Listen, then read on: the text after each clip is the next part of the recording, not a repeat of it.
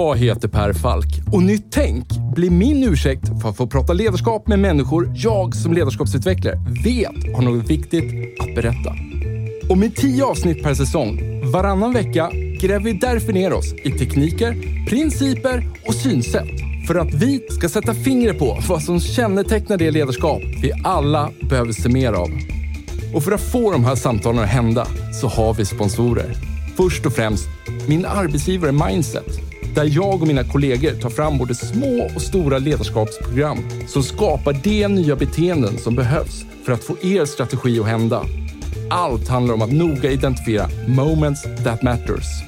Samt Promote, som är den självklara digitala plattformen för dig som vill skapa effektfulla lärresor och ett mätbart resultat i verksamheten.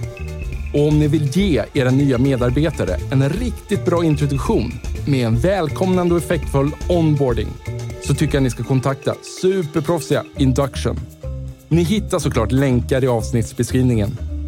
Nu hoppar vi in i samtalet. Enjoy!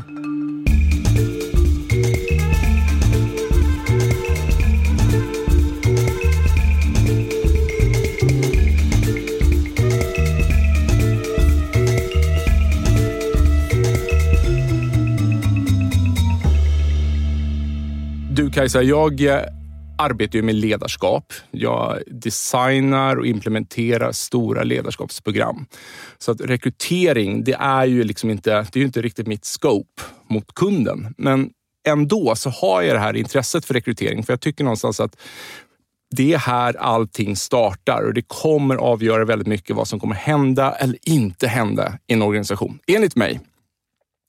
Och jag tycker också liksom att på något sätt att hur en organisation resonerar kring rekrytering, jag tror att det kommer säga rätt mycket om en organisations kultur. Eh, det blir som ett lite så här lackmustest från min sida. Så här, mogen eller omogen kultur. Och när vi satt där förra gången, då, då, kände jag bara, när vi var klara då, så kände jag bara wow. Så här, jag, jag hade så många mer frågor till dig Kajsa. Det var därför jag låg på dig med en gång. Och nu är du här igen. Första gästen som är här andra gången i Nytt Tänk. Yes, väldigt hedrande att få vara här en gång till. Ja, Superkul. Du gav upp eh, efter min, mitt, mitt tjatande här. Ja, det behövdes inte mycket tjat. Det var ett sånt roligt samtal vi hade senast. Och just att vi rörde oss över så många olika ämnen tyckte jag var väldigt kul. Ja, och så tänker jag så här, det, det, kan ju vara vissa då som inte har lyssnat på ditt tidigare avsnitt här. Och om vi ska bara börja med att sätta kontexten. Så här, vem är du Kajsa? Eh, ja, Kajsa Asplund heter alltså jag. Eh, jag är Lead People Science på ett företag som heter Alva Labs som är en svensk tech scale-up kan man väl säga. Där vi bygger en plattform för, för rekrytering och urval. Eh, och förutom det så har jag en bakgrund i forskningen så jag har en, en doktorsexamen från Handelshögskolan i Stockholm där jag höll på med talent management. Jag har också skrivit en bok om det. Eh, I grunden är jag psykolog med liksom ett brinnande intresse för, för arbetslivets psykologi kan man säga. Vi hörde ju dig i avsnitt 22 förra gången. Vad är en talang? Då pratar vi om rekrytering och, och, och talent management på lite mer övergripande nivå. Mm. Men jag tänkte att idag nu så ska vi prata om, vi ska zooma in lite. Jag tänkte att vi ska just prata om intervjuteknik. Men vi ska också prata om värderingar hos unga. Och jag kan också bara hinta då om att när det gäller intervjutekniken då, så kommer vi skicka med en pdf som summerar upp hela samtalet. Så den ligger i avsnittsbeskrivningen. Så varför intervjuteknik? Liksom, finns det någon plats för intervjun fortfarande? Ja, det är en bra fråga och tittar man på datan så är ju svaret helt klart ja. Intervjun är ju världens vanligaste urvalsmetod mm. eh, fortfarande. Och eh, det är nästan svårt att tänka sig en urvalsprocess överhuvudtaget som inte innehåller något element av att man pratar med kandidaten liksom, och ställer lite frågor. Så att intervjun är allestädes närvarande nästan kan man säga i rekrytering. Kommer den någonsin tvättas bort, tror du? Eh, personligen det är klart man ska aldrig säga aldrig i och för sig nu. Nu är vi också inne i det här väldigt spännande liksom, skiftet med AI, eh, olika typer av liksom, bottlösningar och sådär. Så, så vem vet? Men jag ser inte särskilt mycket tecken på det än i alla fall. Nej, det är inte så att ni på Alva Labs har någon, så här, någon eh, inofficiell vision av att så här, vi vill tvätta bort intervjun Nej, på en nej. långsiktig basis.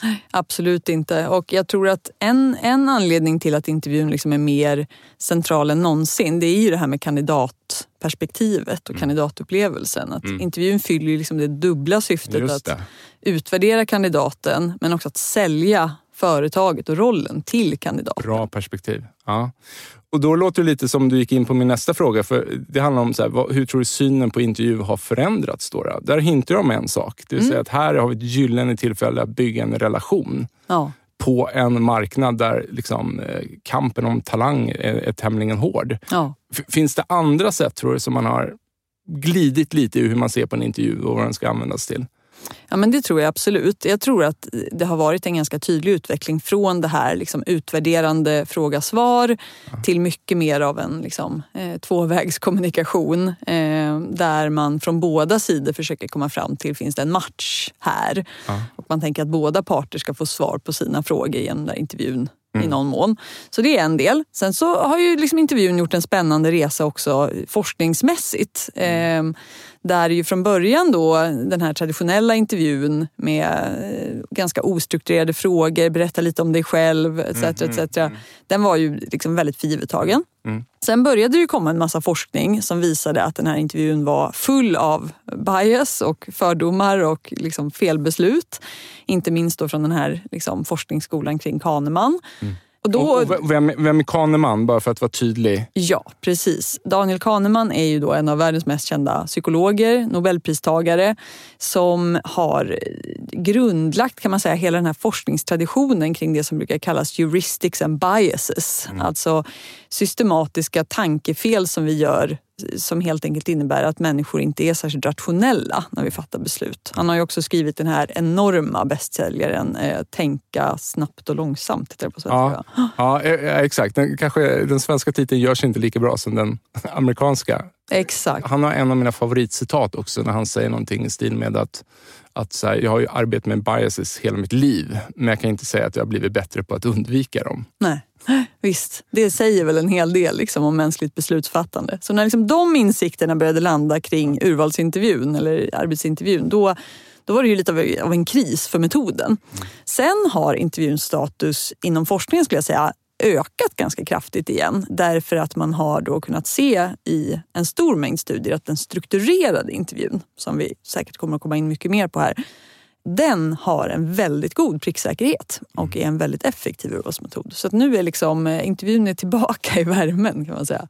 Så om vi koncentrerar oss på att liksom den här, vi säger att det är ju faktiskt två perspektiv på det här. En chans att bygga en relation och en chans då att utvärdera den här kandidaten. Om vi då tittar på det här med att utvärdera kandidaten, så vad, bara för att summera upp lite, så här, vad, vad kan vi få ut av en intervju? Vad kan vi inte få ut av en intervju? Ja, eh, det kanske allra viktigaste är ju att intervjun är ett väldigt bra verktyg för att utvärdera de här lite mer vad ska man säga, komplexa, eh, specifika förmågorna som människor har förvärvat under en livstid. Vi har ju pratat tidigare här om att tester, alltså personlighetstester, kognitiva tester och sådär, det kan vara ett jättebra sätt att fånga väldigt grundläggande förmågor som kanske säger mycket om din potential i största allmänhet. Mm. Men ett test kan inte tala om då till exempel eh, din affärsförståelse inom den här branschen eller din förmåga att förhandla stora kontrakt med Enterprise-kunder eller någonting sånt där. Så när det kommer till mer specifika förmågor, då är ju intervjun överlägsen. Så ett test, eh, lite mer fallenhet Ja. för någonting. Medan intervjun, här kan vi liksom gå på djupet av vad man faktiskt har gjort och hur man har löst problem Mm. tidigare. De vanligaste fallgroparna då, tror du? Eh, Det finns många fallgropar. Jag tror att en av de allra vanligaste är att man tänker att man ska använda intervjun för att som man ofta säger, få en känsla för personen. Det är ju någonting som man ofta hör. Och det är ju inte så konstigt i och med att intervjun är ju en social situation. Ofta är det ju första gången vi möter en kandidat, Ja. liksom face to face eller via en skärm. Men det är ofta där den här typen av biases och eh, vad ska man säga, lite mer irrationella bedömningar uppstår. Min pappa har alltid hävdat att eh, man ska välja ut seglare. De är bra kandidater. Ja, det är en typisk sån här personlig tumregel som människor håller sig med. Och liksom nästan alla har ju sådana. Det är lätt att skratta åt. Men om man skärskådar sig själv så sitter man ju med de här. Ja, och han, han är 100% allvarlig och vi, jag liksom bara försöker undvika diskussionen. Ja, exakt. Ja, så. Hur gör man då? då? Liksom, vart börjar man? Om man sitter och lyssnar här och så, så vill man, eh, så här, hmm, vi, vi, kanske måste se över det här. Vad, vad, vad, kan man göra som en egen quick fix? Vad bör man tänka på när man strukturerar upp en intervju? Ja, det finns ju flera saker man kan strukturera i en intervju. Det första är förstås frågorna.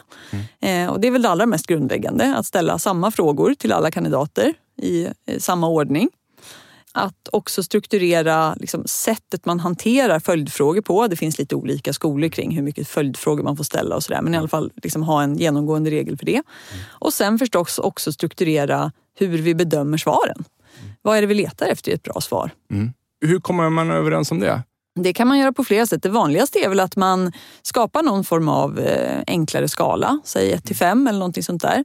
Och så sätter man sig ner i sin lilla grupp, om man är flera som ska intervjua, och pratar igenom. Okej, okay, en trea. Det är liksom ett godkänt svar, men inte mer. Mm. Vad är det för oss? Mm. Har vi lite exempel? Vad händer om kandidaten säger det, men inte det? Mm. Ett eh, kanske man kommer överens om är det är uteblivet svar helt och hållet. Eh, eller någonting sånt. Ja. Och femma, ett liksom fantastiskt svar. Hur låter det?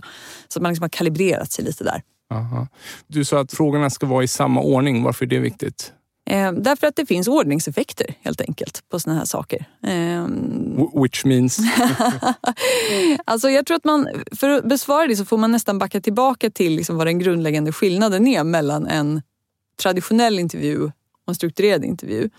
Mm. Och det som utmärker den traditionella intervjun det är ju att man go with the flow som intervjuare. Alltså man, man ställer de frågor som man tycker passar bäst in just i det sammanhanget. Mm. Och det som händer då, eh, det är att intervjusituationen eh, kommer att se väldigt olika ut beroende på hur bra vibe du får med kandidaten helt mm. enkelt.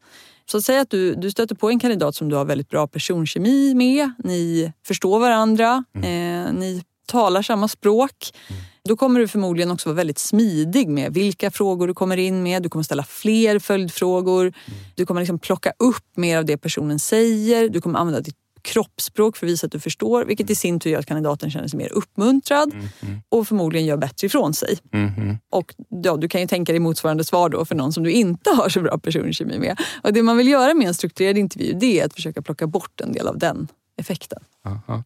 Du nämnde ju liksom, liksom kroppsspråket här. Så här, vad, vad, brukar du tänka på när du intervjuar eller har intervjuat tidigare? Mm. Vad, vad, kan du som intervjuare Förutom då att man har kommit överens om en frågemall och hur den ska utvärderas då. Mm. Vad blir viktigt hos dig som intervjuare? Mm. Det är ju att försöka ge alla kandidater en så lika chans som möjligt. Och det handlar ju inte bara om frågorna. Det handlar ju också om att alltid komma in med liksom ett öppet kroppsspråk, visa intresse genom ögonkontakt och nicka. Mm. Och i den mån det går i alla fall, försöka göra det lika mycket för alla kandidater. Brukar du inleda intervjun på något speciellt sätt? Det vill säga förklara så här, okej, okay, så här resonerar vi, det här kommer hända nu. Eller liksom... Ja, alltså det, och det tror jag är en av de viktigaste aspekterna av alla om man ska lyckas med det här strukturerade formatet. Mm. För att det finns ganska många studier som visar på att kandidater generellt sett gillar den strukturerade intervjun mindre än den traditionella. Eh, vilket kanske inte är så himla konstigt Nej, då, för det är ju lätt att det blir lite stolpigt. Ja. Eh, och det är liksom fråga, svar, fråga, svar. Ja. Och dessutom är frågorna ofta formulerade på lite liknande sätt, vilket vi också säkert kommer in på. Eh, och då tror jag att det blir viktigare än någonsin att verkligen sätta kontexten och förklara ja. från början att det här kommer vara en strukturerad intervju. Känner du till det formatet?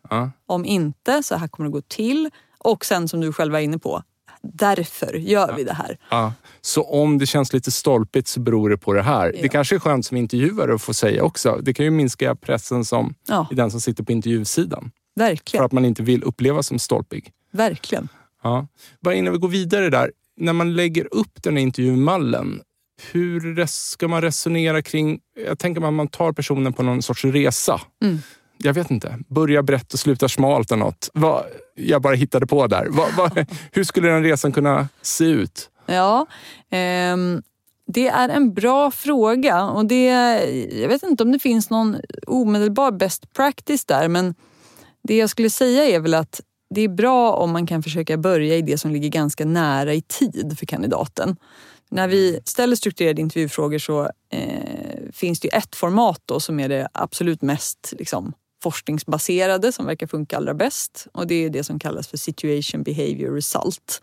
Alltså att man frågar efter specifika situationer där kandidaten har mött en specifik situation och hur man har hanterat den. Mm. Och de där är ju ofta liksom svåra att komma på på rak arm. Mm. Men då kan det hjälpa om man börjar med det som ligger nära i tiden i alla fall. Mm. mm.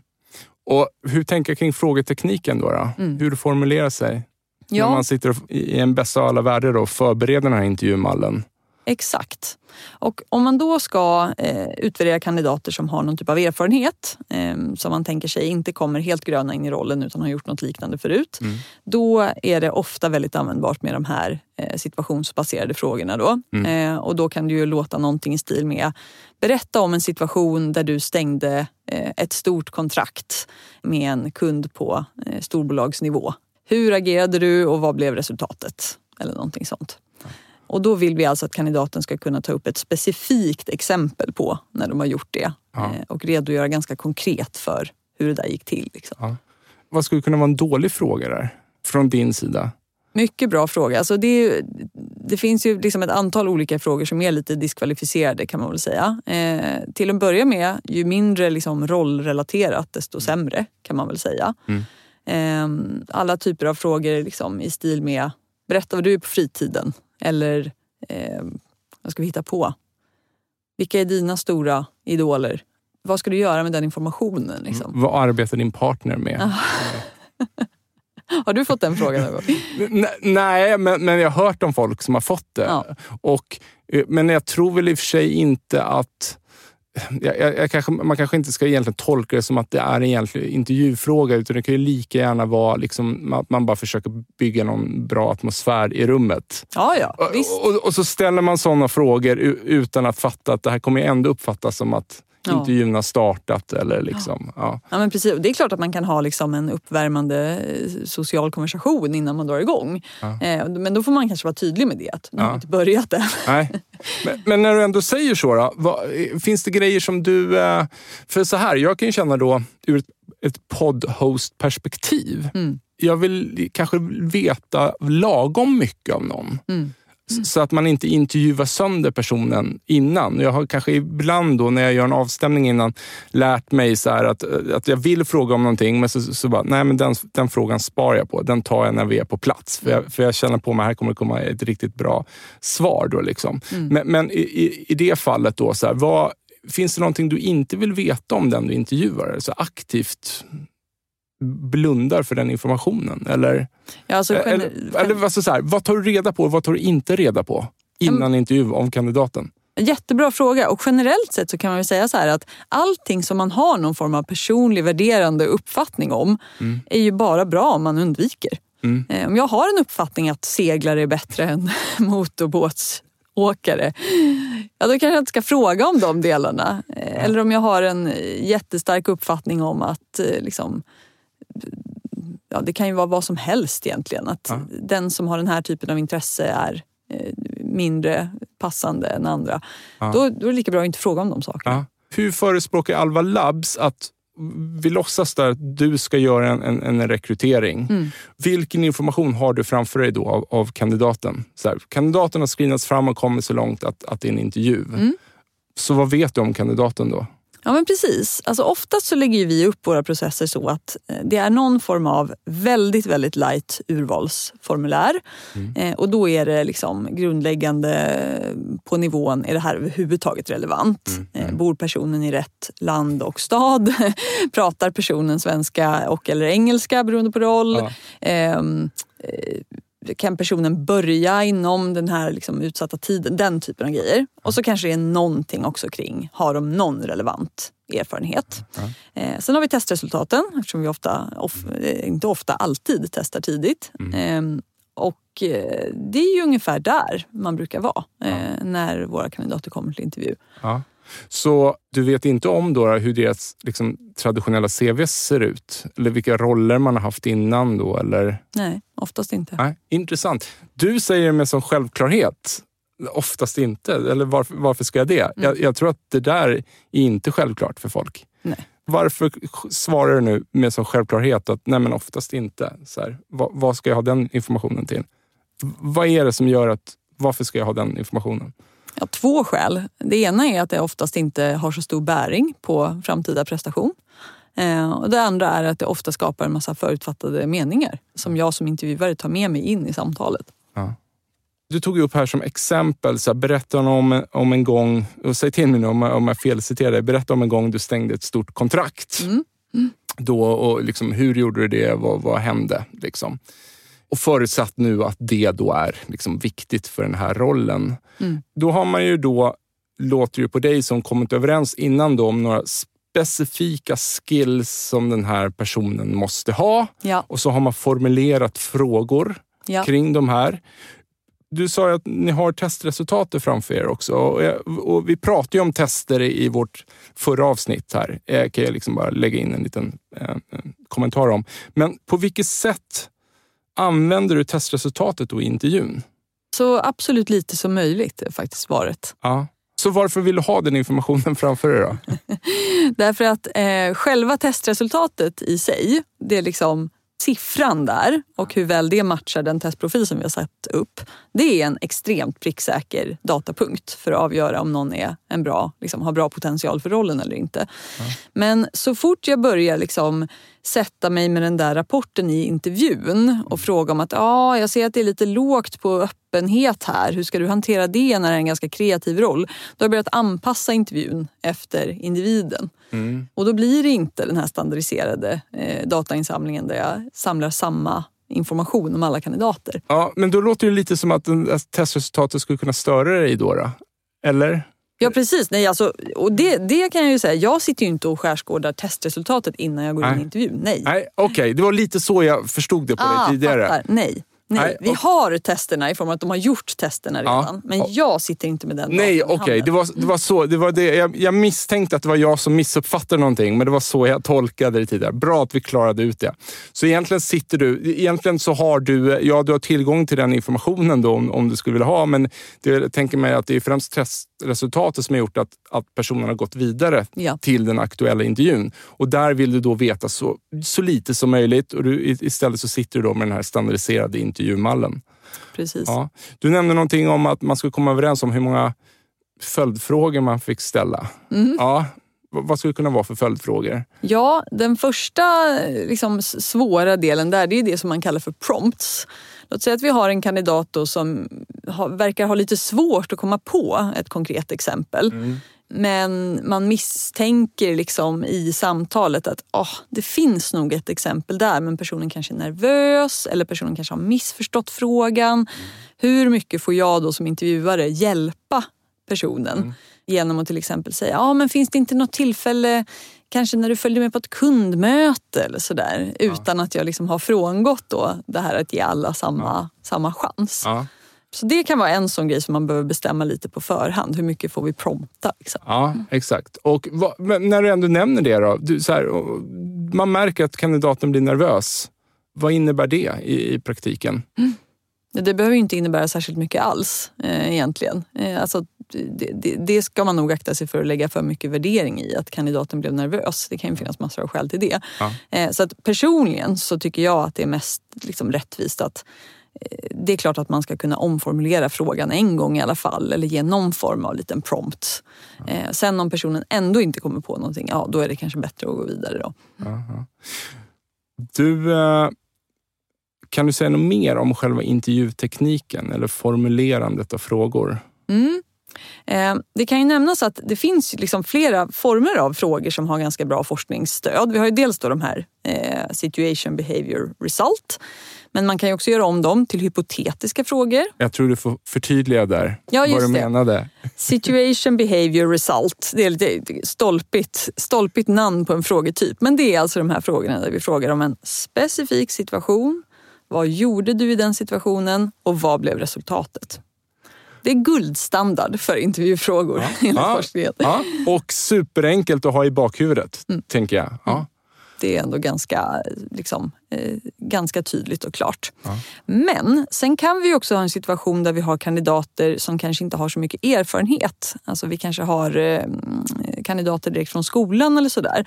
Och de kan ju ibland ha svårare att dra upp relevanta exempel på eh, ja, att man har suttit i en förhandlingsprocess eller någonting sånt där. Mm. Och då kan man ju ibland behöva jobba med hypotetiska frågor istället. Alltså att man omformulerar till, låt säga att du hamnade i en situation där du måste hantera en missnöjd kund. Ja. Vad skulle du göra då? Ja. Det fungerar också ganska bra. Ja. Ehm, men man kan också fråga eh, mer rakt upp och ner om tidigare erfarenheter. Alltså berätta konkret om din erfarenhet av att stänga affärer eller någonting sånt. Jag, jag tänker så här, öppna frågor blir ju rätt viktigt här mm, mm. som frågetyp. Och jag kan också se en uppenbar fälla att speciellt om man ska ställa en följdfråga, att den kanske då blir lite färgad åt en viss riktning. Mm. Hänger du med vad jag menar? Ja. Att för att jag, jag kanske tror att ja, men Kajsa försöker nog säga det här. Mm. Och så, så, formulerar jag frågan lite åt det, det hållet. Ja. ja. Precis, precis. Mm. Och alltså, det här är ju inte så svartvitt. Det är klart att i vissa lägen så kanske det är motiverat att man får ge en sån prompt för att man på något sätt märker att kandidaten är liksom har det här exemplet på tungan. Mm. Men däremot att börja, börja dra iväg och ställa följdfrågor som har med den där specifika, eh, det där specifika företaget eller det där specifika liksom, verktyget att göra. Eller någonting sånt. Det ska man ju försöka undvika då. Aha. Annan grej här som eh, så här, nu frångår jag mitt eget intervjumanus här nu då och hittar på frågor efterhand. Men vi inledde ju här med att prata om hur synen på intervjun har förändrats. Så började jag tänka lite så här, ja, men tror inte du att tidigare så har det varit liksom en, så här, men här är en chans att trycktesta mm. lite den här kandidaten. Mm. Och att man avsiktligt ställer eh, svåra eller kanske till och med omöjliga frågor mm. eller har en viss typ av eh, attityd mm. mot den här kandidaten. Mm. Och att eh, om då kandidaten visar osäkerhet så finns det säkert folk som kanske trycks på ytterligare då. Mm. Liksom. Ja, kan det vara någon, ett perspektivförflyttning? Ja, men det... eller, eller är det bara jag som tror att det är så? Nej men det tror jag verkligen. Eh, I och med att företag har ofta inte råd längre eh, med att, liksom, att ta den risken för en ja. dålig kandidatupplevelse. Ja. Eh, utan man vill vara schysstare, man vill vara mer transparent. Det tror jag. Sen är det klart att det finns ju vissa typer av organisationer som bygger en hel mytologi kring hur svårt det är att komma in här. ja, jag tänker på den här klassiska Google-frågorna eller liknande. ja, så finns det, någon, finns det någon utrymme för det? Eller? Ja, det är klart att det finns utrymme för det i form av att det för, gentemot en viss kandidatmålgrupp bygger den här myten om ja. wow, det är så svårt att komma in på McKinsey. Mm. Eh, där kan man få frågor om hur många eh, liksom, vad är det, pingisbollar som får plats i en jumbojet. Det klassiska exemplet. Det kanske är Google-exemplet. Ja. Och då är det klart att det kommer att attrahera en viss grupp. Så är det ju. Men är det prediktivt? Det verkar inte så. Nej. Vad menar du då? Man brukar kalla det för oddball questions i forskningen. Alltså såna här udda, ja. konstiga frågor. Ja. Det verkar inte som att de har så jättestor bäring på framtida prestation. Alltså, det är inte ett jättebra sätt att hitta de bästa Nej. kandidaterna. Vad, vad, tror du, vad, vad, tror du det beror på? Då? Var, varför? Ytligt sett så skulle det ju verka som att ja, men den här personen har, har verkligen liksom känslan för att bryta ner ett problem eller liknande. Mm. Ja, men det är inte så. Eller, eller får man bara en person som är duktig på att bryta ner problem? Men... Ja, alltså jag tror att den förmågan är ju förmodligen viktig i massor av roller. Att re, kunna liksom eh, rimligt resonera. resonera sig fram till, vänta lite här nu, hur hög och hur lång är en jumbojet och hej och hå. Eh, men jag tror att en stor bias som finns i det där är att eh, du får en ganska stark, ett ganska starkt försprång för den som är utåtriktad, mm. den som är mm. extrovert. Mm. Eftersom extroverta personer gillar att tänka högt och de gillar att liksom ta saker på volley. Medan en introvert person omedelbart känner att jag behöver penna och papper. Liksom. Jag måste ju tänka först. Och det är ju inte eh, liksom, per definition sämre än att sitta och tänka högt. Men det har ju traditionellt inte värderats på samma sätt. Två olika tankemodeller. Ja, ja. verkligen. Så det är ju ett typiskt exempel ja. på.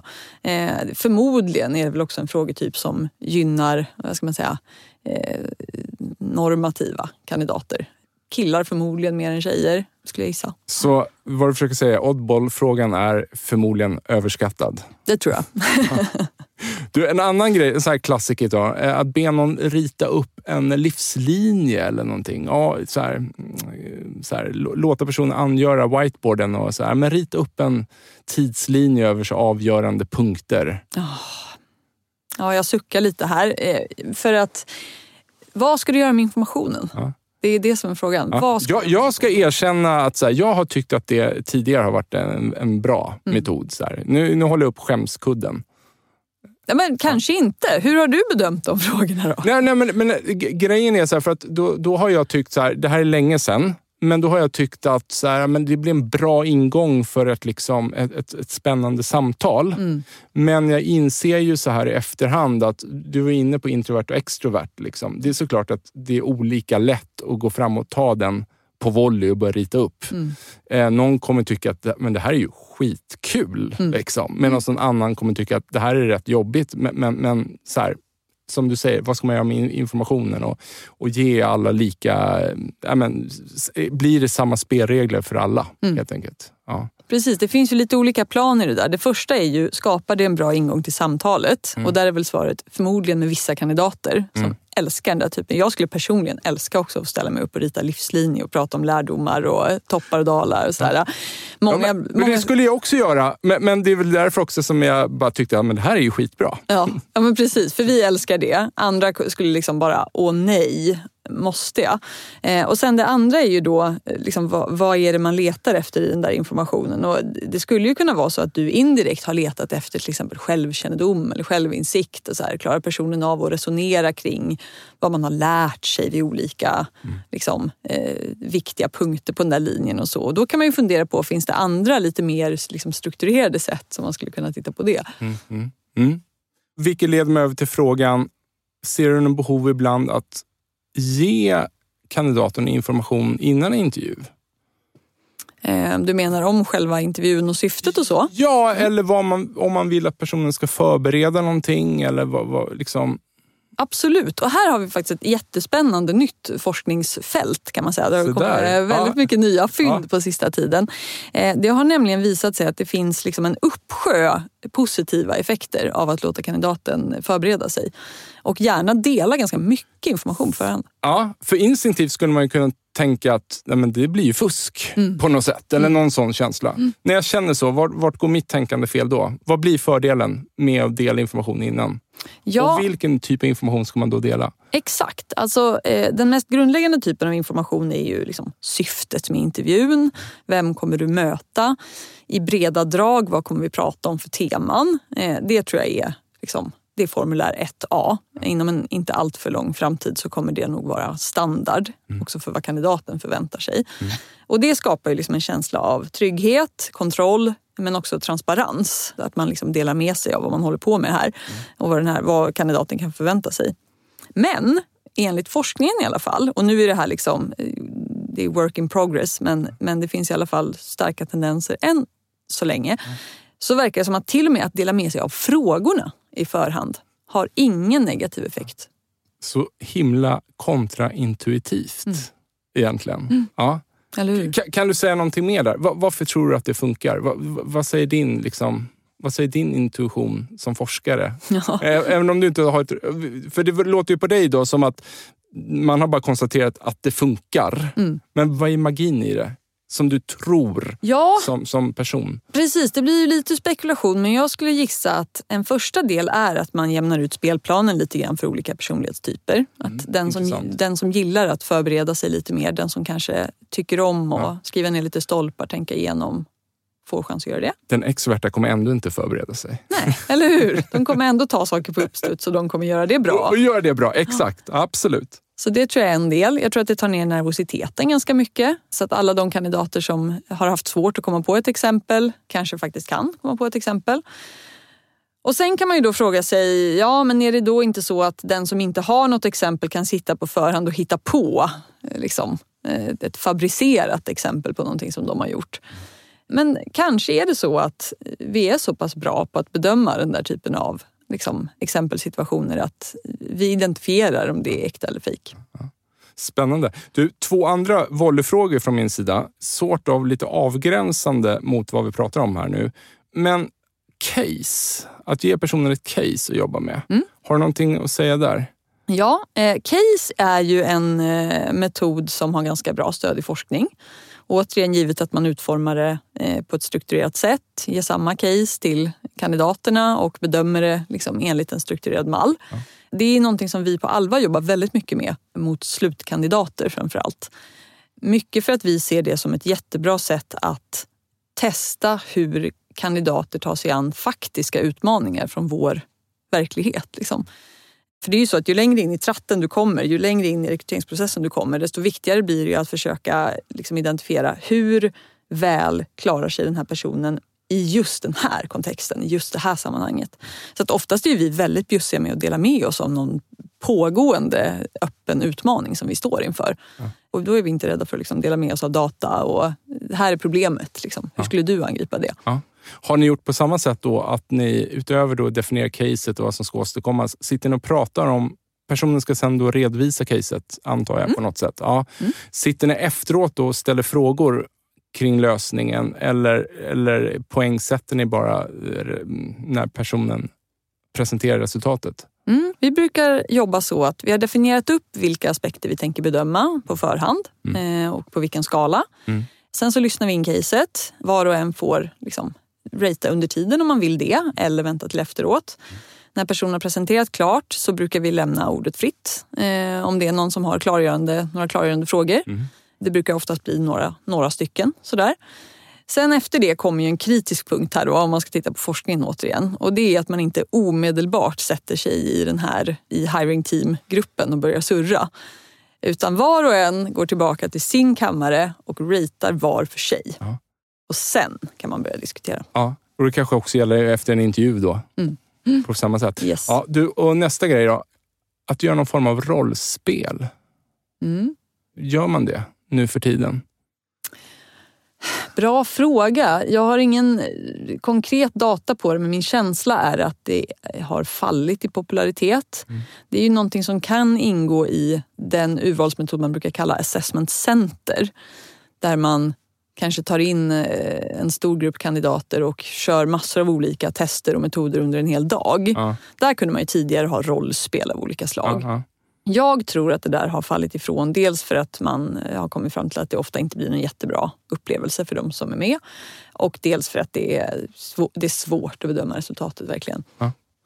Du, om man, så här, efter en intervju, om vi hoppar tillbaka till det igen, då, så känner jag som kandidat att alltså, jag skulle vilja komplettera eh, mitt svar Mm. på den där frågan. Mm. Varför sa jag så för? Jag, så här, jag skulle ju ha berättat om den här situationen. Mm. Hur ställer du till det? Eh, Jag skulle ställa mig väldigt öppen till det. Eh, Så om jag mejlade dig efteråt och sa bara, du, vad, kan jag bara få berätta en grej för dig på telefon? Då tycker du det är bara bra, du öppnar upp för det. Ja, det måste jag ändå säga. Det är klart att kan du inte producera ett enda bra exempel på någon av mina frågor kring säljprocess. Och bara vill komplettera efterhand. Ja, ja då, då skulle jag nog bli misstänksam. Men Ja. om någon känner så pass brinnande att jag måste ju få säga det här för jag hade ju ett jättebra exempel men jag Ja. kom inte på det då. Eh, Då är det klart att man ska lyssna in det. Det tycker jag. Du, eh, att intervjua på distans eller virtuellt Mm. kontra att sitta som vi gör nu face to face. Ja. Blir det skillnad i resultatet? Ehm, vi vet inte, är väl det korta svaret. Eh, det har gjorts en del studier. Här i början av pandemin så var det många som eh, hade väldigt stora förhoppningar om att den här videointervjun skulle bli mycket mer objektiv. För att liksom, man ser mycket mindre av såna sociala signaler som eh, gestikulering och ögonkontakt och Mm. liksom kroppsspråk och sånt där. De studier som har gjorts tyder inte på det faktiskt. Eh, Utan att till exempel kroppsspråk och sånt här liksom icke-språkligt beteende vi har för oss, Ja. det spelar ungefär lika stor roll oavsett. Men det finns väldigt lite som tyder på att den blir sämre. Ja, om vi bara skulle kunna konstatera att det blir ett likvärdigt resultat så är ju det jätteintressant. Mm. Och gör saker och ting också väldigt mycket enklare. Verkligen. Exakt hur mycket påverkas vi av kandidatens kroppsspråk, tror du? Eller det här liksom det paraverbala kommunikationen? Mm. Liksom kroppsspråk, ögonkontakt, mimik i ansiktet och så vidare. Klädsel. Ganska mycket Ja. eh, faktiskt om man ska tro. Ja. eh, forskningen. Det har precis kommit en väldigt spännande metastudie som det kallas. Alltså, Love it. Ja, eller hur? Där man slår ihop massor av tidigare studier och tittar på de här effekterna.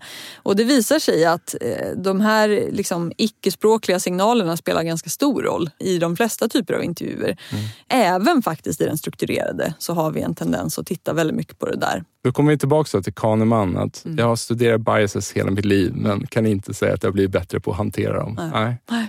Exakt. Och då är det ögonkontakt i allra första hand verkar det som. Ja. Det är någonting som är jätteviktigt för oss.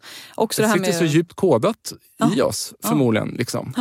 Det gör det, eh, verkligen. Eh, Det här, även det här med professionell klädsel Mm. eh, tittar vi mycket på.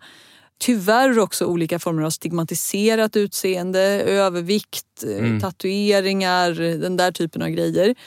Och sen även då eh, alltså kroppsspråk, hur mycket vi nickar i svar till intervjuaren och sånt där. Ja. Så vad fasen gör vi då? Ja. Eh, Det verkar ändå som att det strukturerade formatet är något bättre. I den här studien då så såg man ju att även i strukturerade intervjuer så spelar det här väldigt stor roll. Men där har man i alla fall en lite större liksom, eh, vad ska man säga, man har lite mer stringens. Vilket gör att man förmodligen inte liksom svävar iväg för mycket från att analysera det kandidaten faktiskt säger ändå.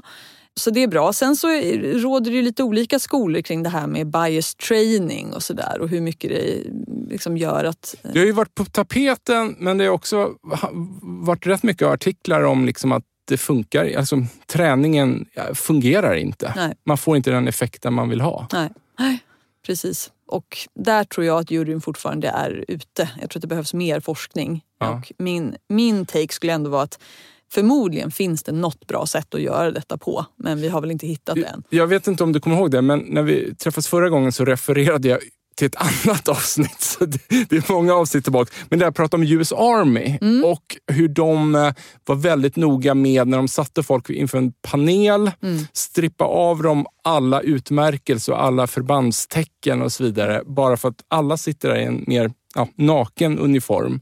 Bara för att liksom, ta bort det från bordet. Skulle man eh, kunna sätta en, en kandidat bakom ett skynke? Är det, är det en fånig idé? Ja, alltså börjar vi tänka i de termerna då kan man ju börja fråga sig varför inte bara skicka ut frågorna och be om ett skriftligt svar? Ja. Alltså då, är, då är vi ju på den. Då är vi ju där. Och då är vi någonstans tillbaka i att intervjun överlever ju för att vi också vill visa oss som människor för kandidaten. Liksom. ja, just det. Eh, Så jag tror att liksom det, vi kommer inte komma ifrån att vi måste göra flera saker samtidigt i intervjun. Vi ska försöka utvärdera objektivt men vi ska också sälja rollen. Vi ska Ja. också skapa en relation.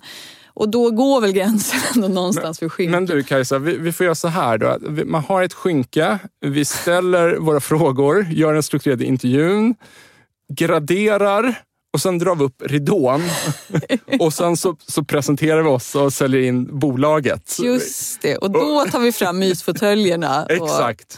Exakt. Ja, det är inte dumt. Nej, nej, men eh, det tåls ju att tänkas på. Det är så sjukt egentligen, det här intressanta att så här, vi, det är 2023 och vi bara vet att massa saker påverkar och vi är urusla att liksom mm, så här, vår hjärna verkar bara vara hårdkodad på vissa sätt. Och även om man vet om att den är hårdkodad på det sättet så kan man bara fortsätta tänka på det sättet för att synapserna är bara... Mm. Ja.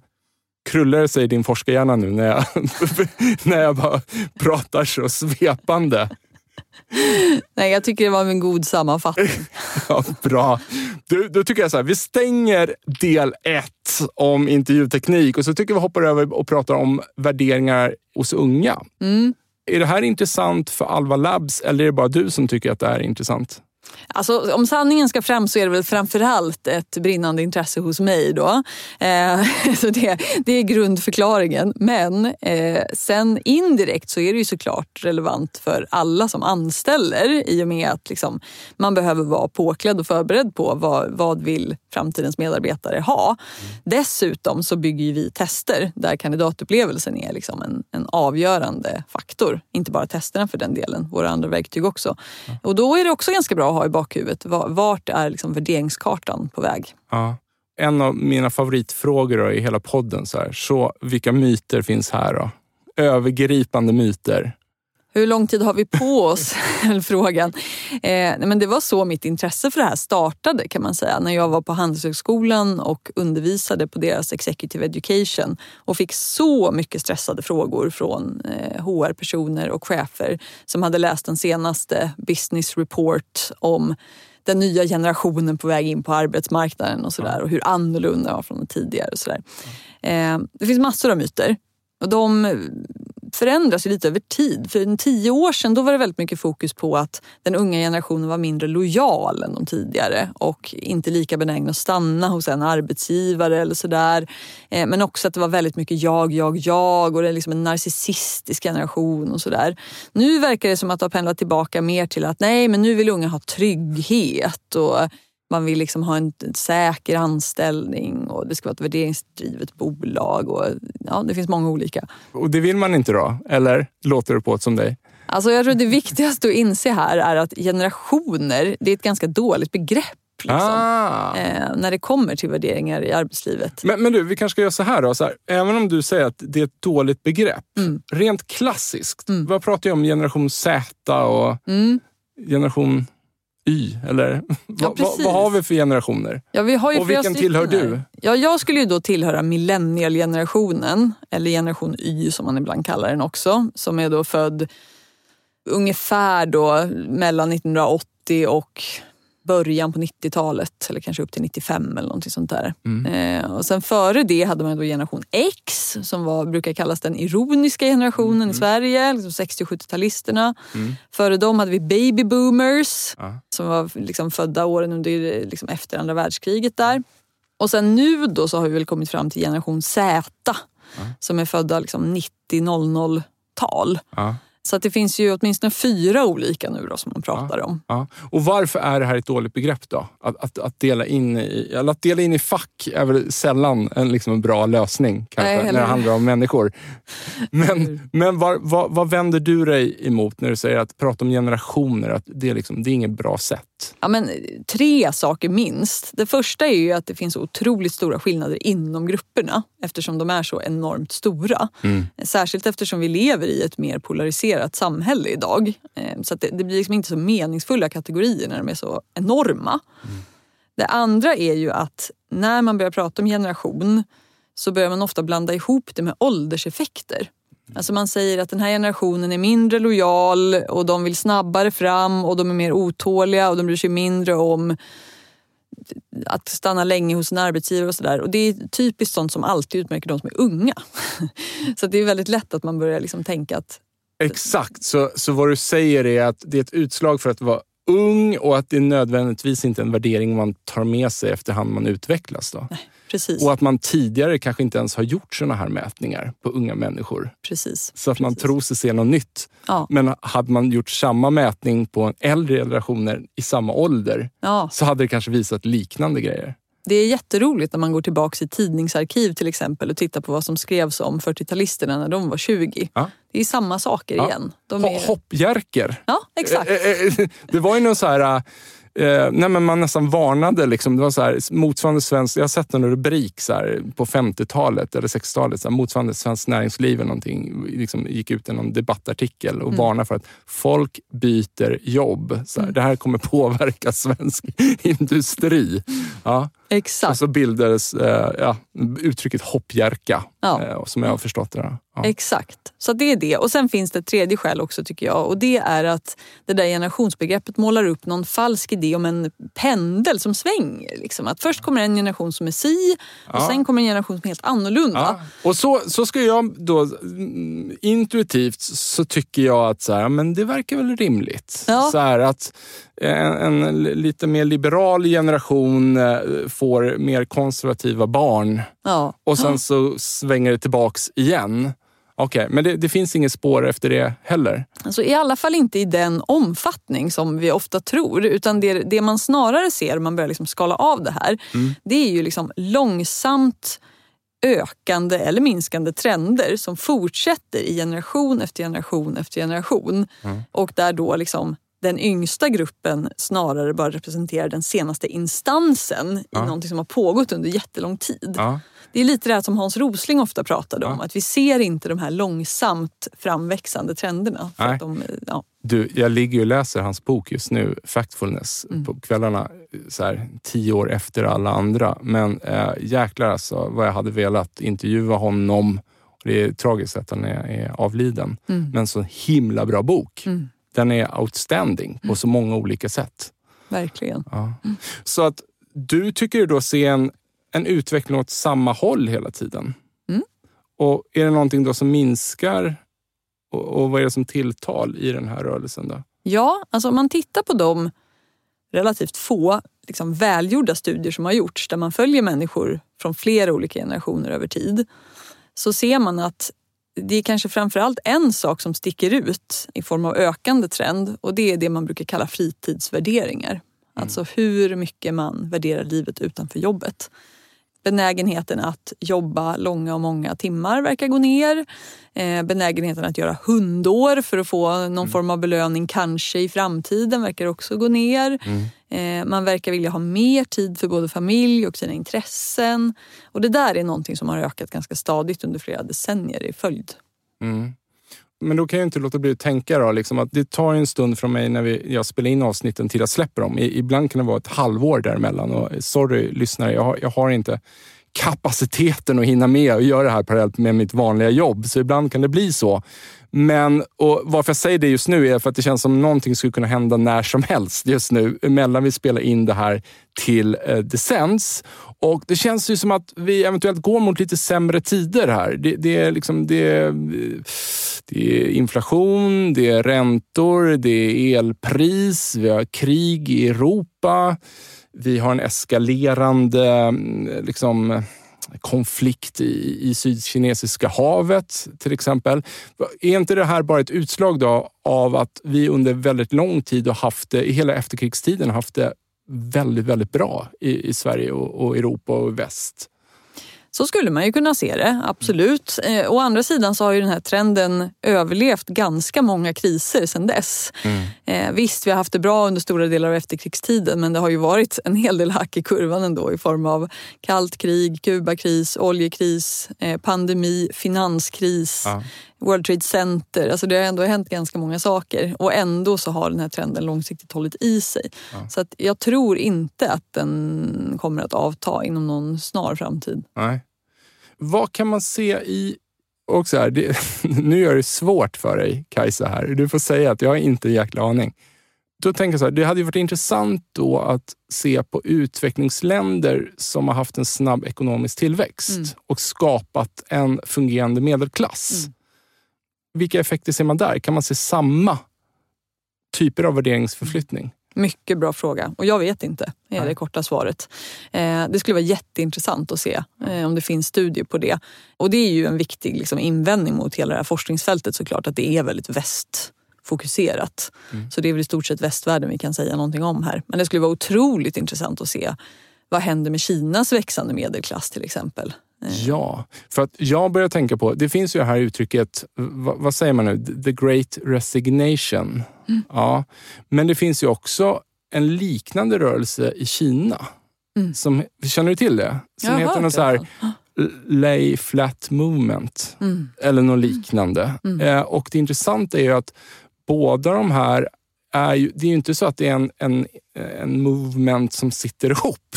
Utan den har bara uppstått parallellt på varsin sida av ja, Stilla havet i det här fallet. Mm. Som visar på någon sorts liksom, rörelse i, i hela, ja, jag vet inte, i, i, i hela världen. Mm.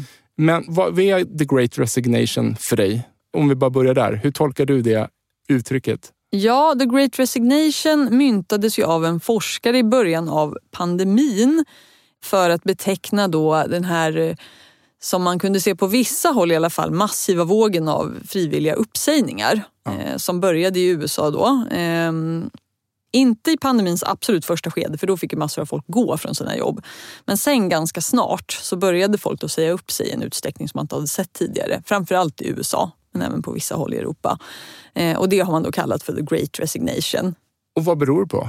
Ja, det är ju en kombination av olika faktorer där och i eh, vad ska man säga, affärspress och sådär så har man en tendens att ofta lyfta upp de här orsakerna som har att göra med liksom, arbetsplatsens utformning. Alltså dålig arbetsmiljö, dåliga utvecklingsmöjligheter, oflexibla arbetsvillkor och sådär. Mm. Eh, men man ska ju komma ihåg att det också finns ett, ett krasst ekonomiskt lag i det här. Att många människor i USA till exempel fick ju för första gången någonting som liknade a-kassa eller del av en stimulansåtgärd mm. som gjorde att man finansiellt hade möjlighet att sluta på sitt jobb, eh, mm. vilket man inte hade haft förut. Ett stödpaket under ja. pandemin helt enkelt. Ja.